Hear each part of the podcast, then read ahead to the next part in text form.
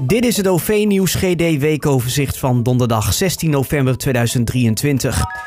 De lijnen 309 en 319 kampten vorige week donderdagochtend met flinke vertragingen. De bussen hadden last van de nasleep van een ongeluk dat vroeg in de ochtend gebeurde op de A28 bij Tinalo. Daardoor was de weg enige tijd volledig afgesloten en is aan het einde van de ochtend één baan nog altijd uh, dicht gebleven. De vertragingen die de bussen hebben opgelopen zorgden voor een langdurig effect in de dienstregeling. De meeste bussen waren aan het einde van de ochtend met zo'n 20 minuten vertraging aan de rit. Als het aan het OV-bureau Groningen-Drenthe ligt, wordt de eerste paal in de op te zetten nieuwbouwwijken in beide provincies een bushaltepaal. Het bureau heeft een bidboek voor gemeenten samengesteld waarin het pleit voor het direct opzetten van goede OV-verbindingen als alternatief voor de auto met de titel De eerste paal is een haltepaal. Het OV-bureau zou graag zien dat het openbaar vervoer direct alle ruimte krijgt in nieuwbouwplannen. Het bureau zegt op basis van ervaringen met de nieuwbouwwijken Kloosterveen en Assen en Oost-Indië in Leek te weten dat bewoners sneller kiezen voor het OV in plaats van een tweede auto wanneer er direct na oplevering van de eerste woning al een busverbinding is.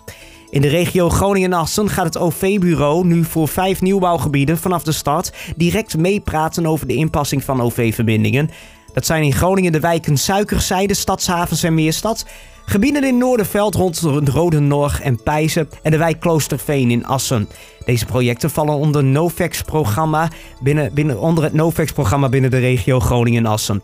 Het OV-bureau gebruikt de gebieden in haar visiedocument als voorbeeld van haar visie. Meer informatie erover, mocht je dat willen weten, kun je lezen in het betreffende nieuwsbericht op onze site ovnieuwsuitgroningen.nl.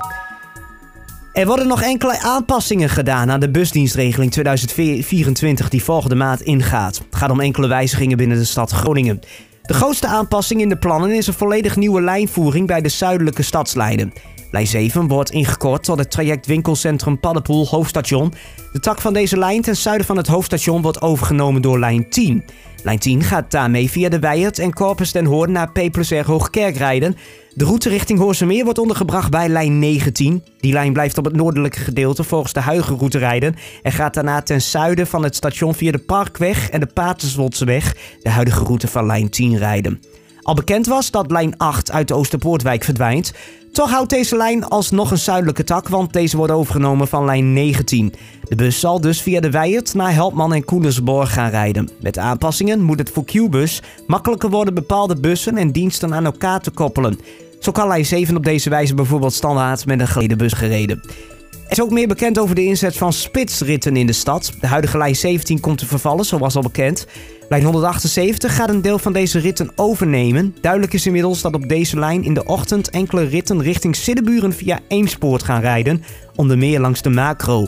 In de middag gebeurt dat met enkele ritten in de omgekeerde richting.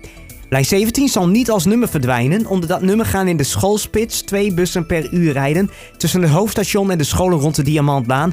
Een lusroute is dat via de A-weg, Hoendiep, Diamantlaan, Metaallaan, Ringweg en busbaan langs de Pijzerweg. Eén rit in de ochtend rijdt als lijn 17 vanaf het Noorderstation via Paddenpoel naar Vinkhuizen en dan door naar het hoofdstation. Die rit vertrekt op werkdagen om 10 minuten over 8 vanaf het hoofdstation.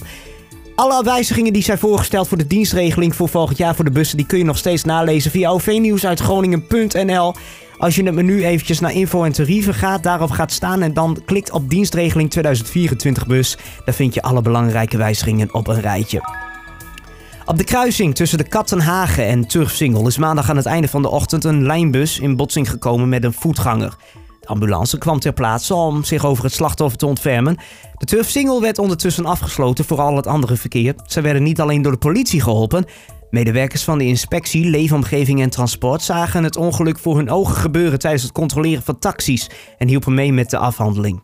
De politie doet onderzoek naar de toedracht. Op de locatie waar de aanrijding plaatsvond zijn vorige maand de verkeerslichten overigens uitgeschakeld en zebrapaden geplaatst. Daarnaast geldt er een maximumsnelheid van 30 km per uur bij een nieuwe voorrangssituatie daar. Na Arriva heeft zich een tweede gegadigde bij de autoriteit Consument en Markt gemeld om een treindienst tussen Groningen en Parijs te verzorgen.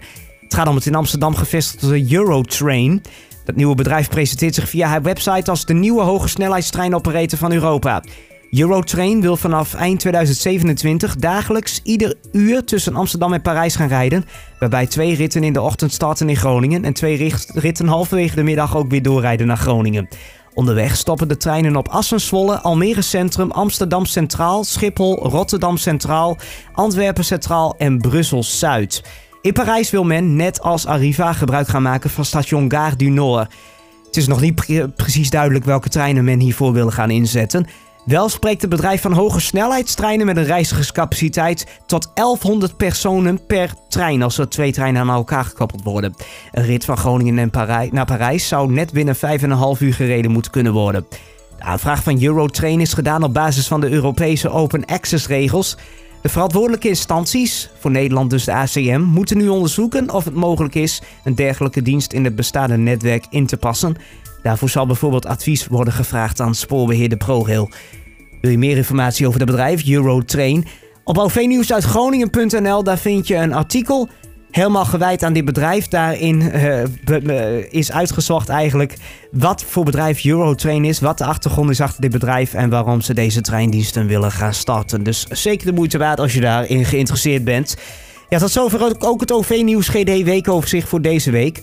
Volgende week donderdag om een uur of één, smiddags, dan staat er weer een nieuwe editie voor je klaar. Die je kunt beluisteren via je favoriete podcast-app, als nieuwsbron via de Google Assistant en ook weer via die website. Ik heb het al een paar keer genoemd, ovnieuwsuitgroningen.nl. Dat is het adres van de website, daar kun je terecht. Ook voor het laatste OV-nieuws terwijl dat gebeurt. Dus uh, bezoek dat vooral eventjes. Voor nu graag uh, dankjewel en uh, tot de volgende keer bij een nieuw OV-nieuws GD weekoverzicht.